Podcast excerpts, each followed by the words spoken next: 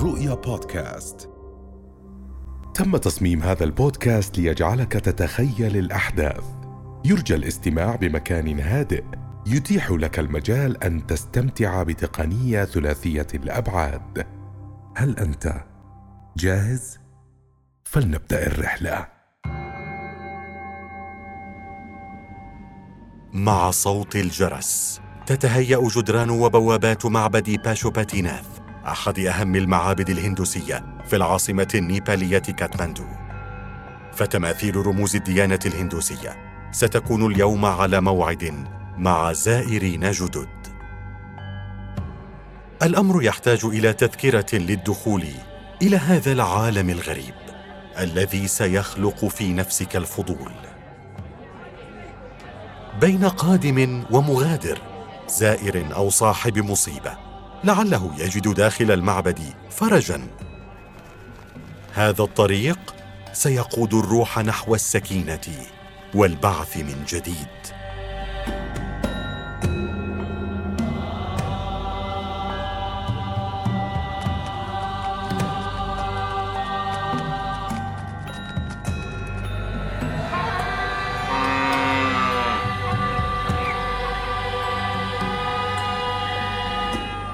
على باب المعبد.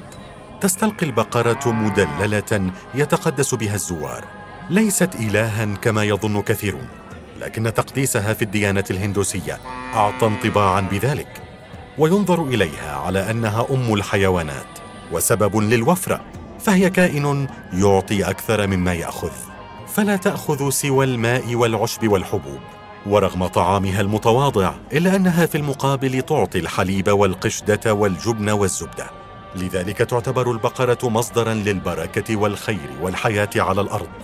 وهذا ما دفع الإله كريشنا لحمايتها كما ورد ذكرها في الفيدا الكتاب المقدس للديانة الهندوسية.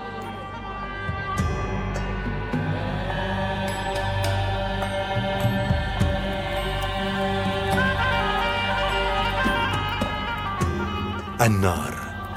إذا كان من المتعارف عليه أن النار تستخدم للطبخ أو الدفء فالأمر هنا مختلف تماما.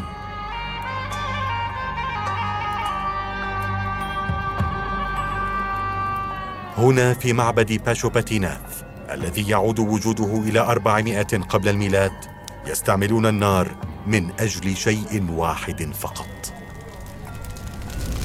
حرق الجثث.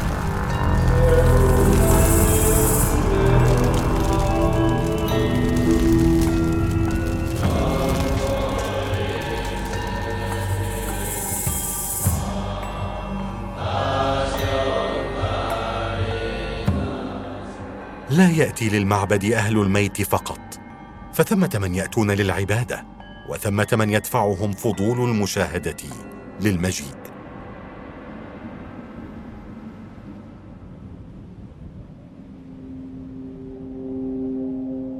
ستجد في المعبد قائمة بأسعار تكلفة حرق الجثث التي تختلف بين صغير وكبير مع اعتكاف أو بدون. فإذا أردت اعتكافا لأربعين يوما بعد عملية حرق عزيز فبإمكانك أخذ أكبر حزمة بقيمة تسعين دولارا أمريكيا.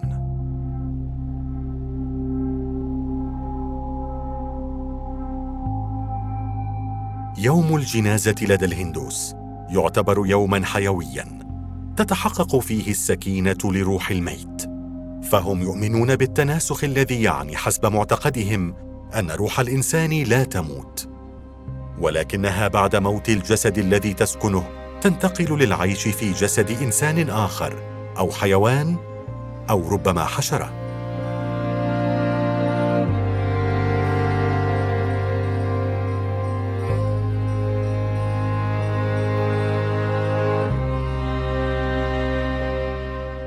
أما الجسد الذي صار جثة فيجب تركه ساعتين حتى يجف القدمان في اتجاه الجنوب حيث إله الموت والرأس نحو الشمال تجاه إله الثروة أهل الميت ينتظرون والروح أيضا تنتظر أن تتخلص من غلاف الجسد حتى تصعد إلى أعلى بما يسمى بعقيدة الفناء.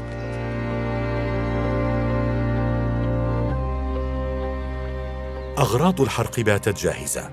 ها هي الأخشاب التي تساعد في الاشتعال وبعض المواد التي تستخدم في عملية الحرق على أن تكون خالية من أي مواد نفطية لسببين الأول الرائحة والثاني احتراما للميت.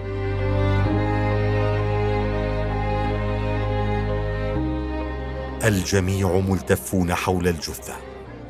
الأبناء والأصدقاء والأقارب. ومشاعر الحزن تعم الأجواء تمهيدا للبدء بعملية تطهير الروح. ورغم أنهم يعيشون هذه الطقوس يوميا وتعتبر جزءا اساسيا في ديانتهم وثقافتهم يبقى الترقب سيد الموقف. الماء عند الهندوس هو أحد مكونات الروح وهو المطهر الأول للجثة. لذلك يحمل أحد أقارب المتوفى بالدرجة الأولى بضع قطرات من مياه نهر بجماتي ويضعها في فمه مباشرة.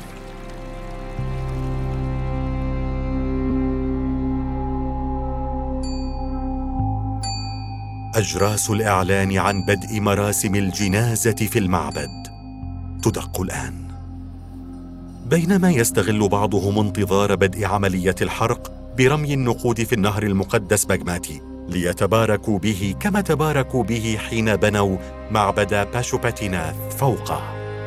أما أهل الميت فيواصلون سكب الماء في فمه حتى يصل حد الامتلاء.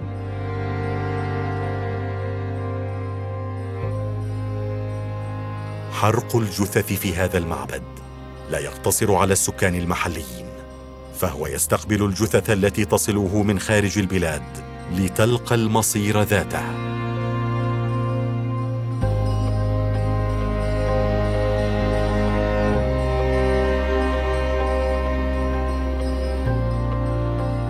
أما الحضور فيتأملون هذه التفاصيل التي سيعيشونها يوما ما. بينما يزين المقربون من الميت مكان الحرق بالورود قبل وصول الجثة.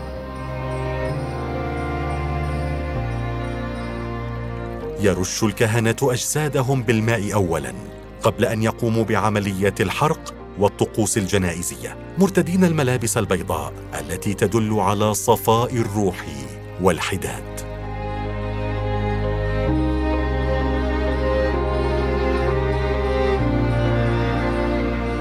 هذا الطقس أساسي في عملية الحرق فلا بد من الالتفاف حول المكان ثلاث مرات. وكل لفة من أجل إله من آلهتهم الثلاث. براهما الذي صنع الكون. وفيشنو الذي يحافظ على الكون. وشيفا الذي يدمر الكون. توضع الجثة. ويدورون بالنار حولها ثلاث مرات وللسبب ذاته. ثم يتقدمهم الابن الأكبر ليصل إلى منطقة الوجه. ويمد يده نحو فم والده. لتبدأ عملية حرق الجثة التي ستصبح رمادا.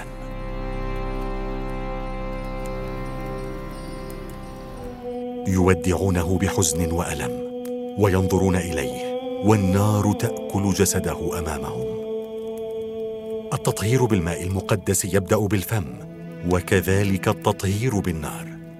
فالفم في الديانة الهندوسية هو مصدر الأقوال السيئة أو الطيبة. وكما تبدأ الحياة من الفم عن طريق الرضاعه فإنها تنتهي بالفم عن طريق الحرق. تبقى العائلة لثلاث أو أربع ساعات وهي المدة التي ستحرق فيها الجثة تماما. معلنين بذلك بدء الحداد الذي يستغرق في حده الأدنى ثلاثة عشر يوما وقد يطول إلى سنة.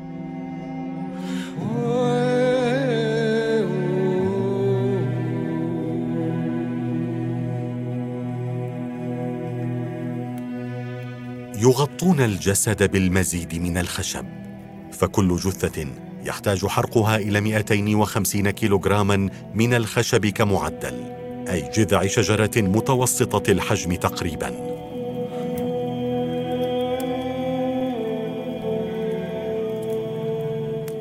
ويضيفون القش الرطب والعشب وزبدة البقر وروثه والسماد الطبيعي والسكر لزيادة عملية الاحتراق.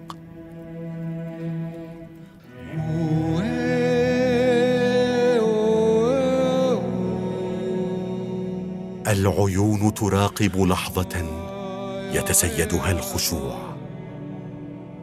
تتصاعد الأدخنة في الأرجاء وتبدأ رحلة الروح في البحث عن مكان جديد تسكنه لتبدأ فيه حياة جديدة. ربما في النظر إلى الجثة المحترقة عبرة فلعلهم يتأملون لحظة يكون الدور فيها. على أجسادهم.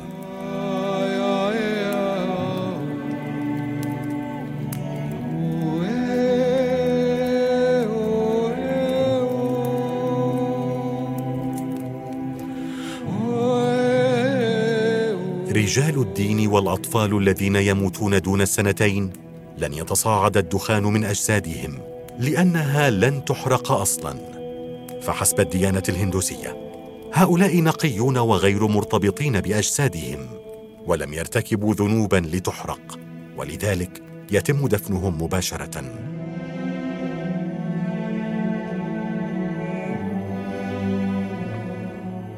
ومثلما تنتهي حياة في جهة تستمر حياة في الجهة الأخرى.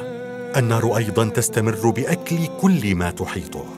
تكبر ليتلاشى معها جسد إنسان ويفنى إلى رماد. بالإضافة إلى الماء تتكون الروح عند الهندوس من التراب والنار والهواء والسماء والحرق يعيدها إلى حالتها الأصلية حسب معتقداتهم. ومن هنا تبدأ الرحلة الجديدة لروح الميت.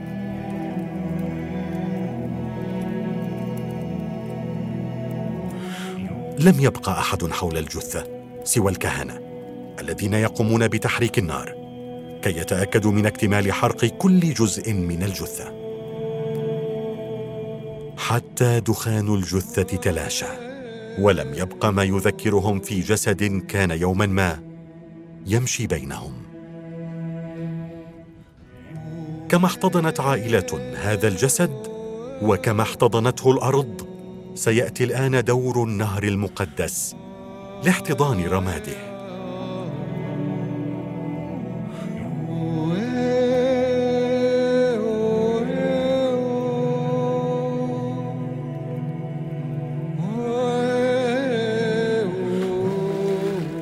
فبعد التأكد من أن الجثة صارت رمادا يقوم الكهنة برميه في النهر وتبدأ عمليات التنظيف. استعدادا لاستقبال مزيد من الجثث يوم غد ابتداء من الساعة الخامسة صباحا.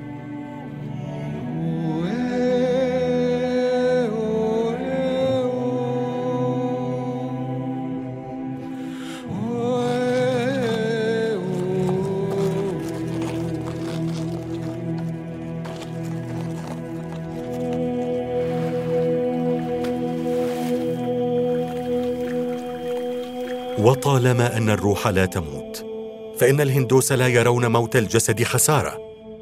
فالروح خرجت منه لأنه بات كالثوب البالي الذي لزم التخلص منه.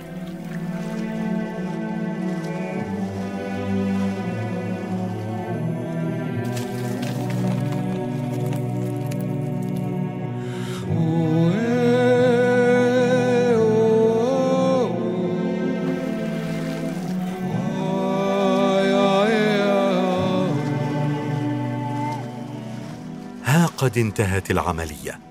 وعاد الكهنة بعد أن اطمأنوا على مصيري الجسد والروح.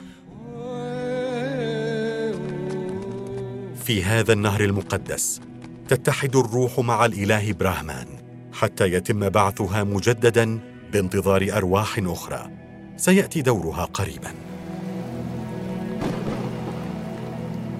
مع نزول المطر ينتهي يوم آخر في المعبد. كانت النار قبل ساعات تتصدر مشاهده ويسود الصمت بانتظار أيام قادمة. سيعود فيها العنوان الأبرز في هذا المكان الموت.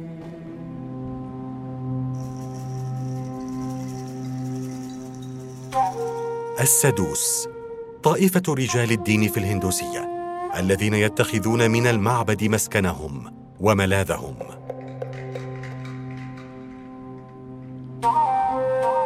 في أروقة المعبد. يعيش السدوس حياة متحررة من كل شيء. يغلب عليها طابع التقشف. ويعتقدون بأنهم خلقوا للعبادة ولا شيء سواها حتى يحين موتهم. حتى إنهم يحضرون لجنازاتهم ثم يعيشون في انتظار الوقت الفعلي للوفاة. في هذا المكان يقومون بالتعبد والتقرب من الإله براهما صانع الكون.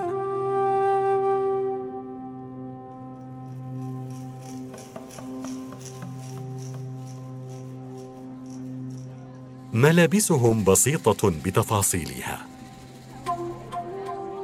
أول ما سيجذبك حالما تلتقي بهم هو طريقتهم في رسم وتلوين وجوههم التي يعبرون من خلالها عن أفكارهم في الروحانية.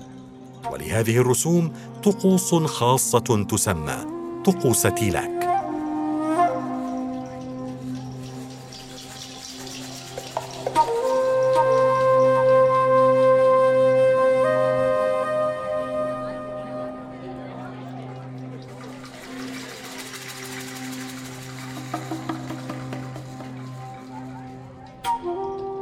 لهذه الألوان رموزها.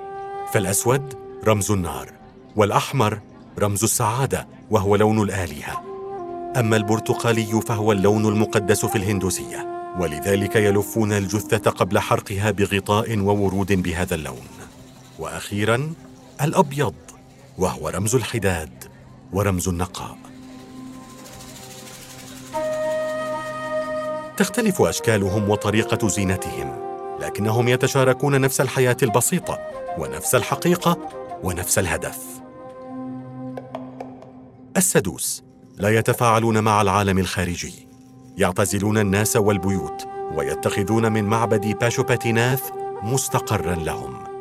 ينامون ويستيقظون فيه. على رائحة الموت ورائحة حرق الجثث. اختاروا حياتهم بإرادتهم وبعزلة مقصودة يملؤونها بالصلاة والتأمل يدعون فيها للمحبة والسلام لهم ولغيرهم.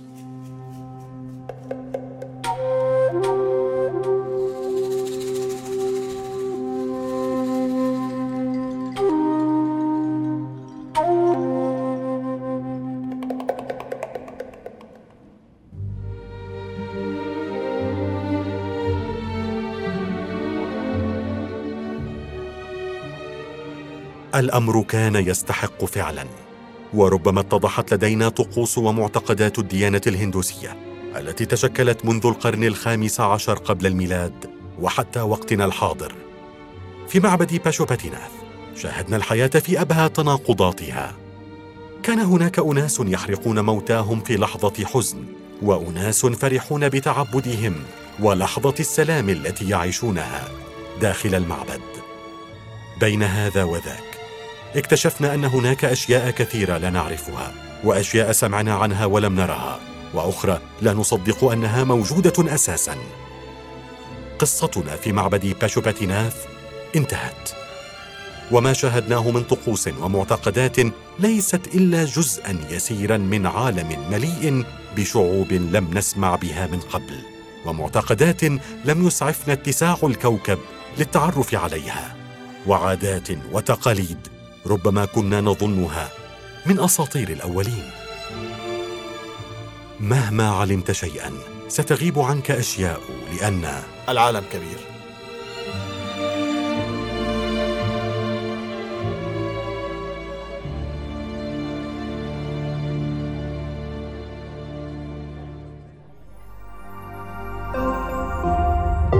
رؤيا بودكاست.